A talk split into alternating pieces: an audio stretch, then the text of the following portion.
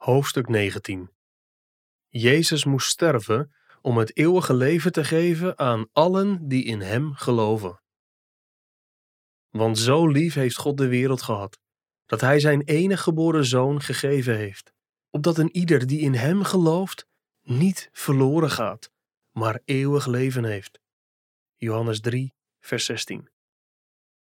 Wanneer we gelukkig zijn, willen we niet sterven.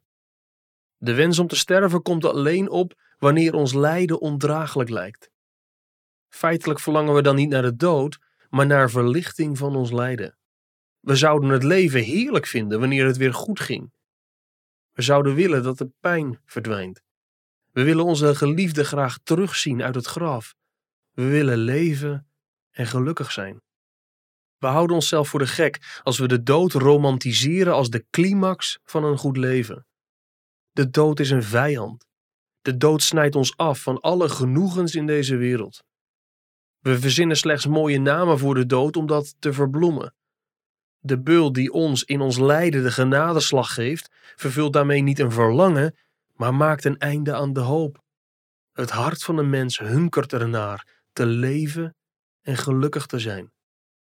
Zo heeft God ons geschapen. Ook heeft Hij de eeuw in hun hart gelegd. Prediker 3, vers 11. We zijn geschapen naar Gods beeld en God houdt van het leven en Hij leeft eeuwig. Wij zijn geschapen om eeuwig te leven. tegenovergestelde van eeuwig leven is niet de vergetelheid, maar de hel. Jezus sprak er meer over dan wie dan ook. Hij maakte duidelijk dat afwijzing van het aanbod van eeuwig leven niet uitloopt op vernietiging, maar op de ellende van Gods toorn. Wie in de zoon gelooft, heeft eeuwig leven. Maar wie de zoon ongehoorzaam is, zal het leven niet zien, maar de toorn van God blijft op hem. Johannes 3, vers 36. Dat blijft altijd zo. Jezus zei: En deze zullen gaan in de eeuwige straf, maar de rechtvaardigen in het eeuwige leven. Matthäus 25, vers 46. Dit is een onvoorstelbare werkelijkheid, die aantoont hoe erg het is om God onverschillig of minachtend te behandelen. Jezus waarschuwt: En als uw oog u doet struikelen, werp het dan uit. Het is beter voor u met één oog het koninkrijk van God in te gaan, dan met twee ogen in het helse vuur geworpen te worden, waar hun worm niet sterft en het vuur niet uitgeblust wordt. Marcus 9, vers 47 en 48.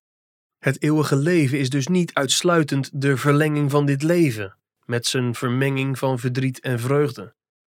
Aangezien de hel de ergst mogelijke uitkomst van dit leven is, is eeuwig leven de best denkbare uitkomst. Het is het hoogste geluk dat alleen nog maar toeneemt, terwijl alle zonde en alle verdriet niet meer bestaan. Al wat in deze gevallen schepping kwaad en schadelijk is, wordt weggevaagd. En al het goede, alles wat echt en duurzaam geluk brengt, zal bewaard, gezuiverd en versterkt worden. We zullen een zodanige verandering ondergaan dat we dimensies van geluk kunnen ervaren die we ons in dit leven niet eens konden voorstellen. Wat geen oog heeft gezien en geen oor heeft gehoord en in geen mensenhart is opgekomen, dat is wat God heeft bereid voor degenen die hem liefhebben. 1 Korinthe 2 vers 9. Het is waar voor ieder moment van ons leven, nu en voor altijd. Voor hen die Christus liefhebben, moet het beste nog komen. We zullen de allesvervullende heerlijkheid van God zien. En dit is het eeuwige leven, dat zij u kennen, de enige waarachtige God en Jezus Christus, die u gezonden hebt. Johannes 17, vers 3. Want deze Christus heeft geleden en is gestorven. Waarom zouden we hem niet als ons hoogste goed omhelzen en leven?